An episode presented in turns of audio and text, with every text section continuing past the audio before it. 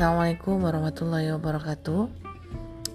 Jadi di podcast curhat biar sehat ini um, adalah wadah untuk saya, untuk aku uh, mengungkapkan isi hati karena kebetulan aku bukan orang yang bisa nulis di WhatsApp karena banyak yang mantau statusnya dan nggak bisa juga di Instagram untuk ngeluh-ngeluh. Susah.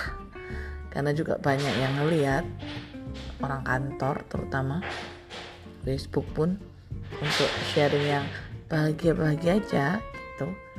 Jadi uh, nanti mudah-mudahan bisa ngajak beberapa temen yang dengan topik uh, macam-macam gitu. Nantikan ya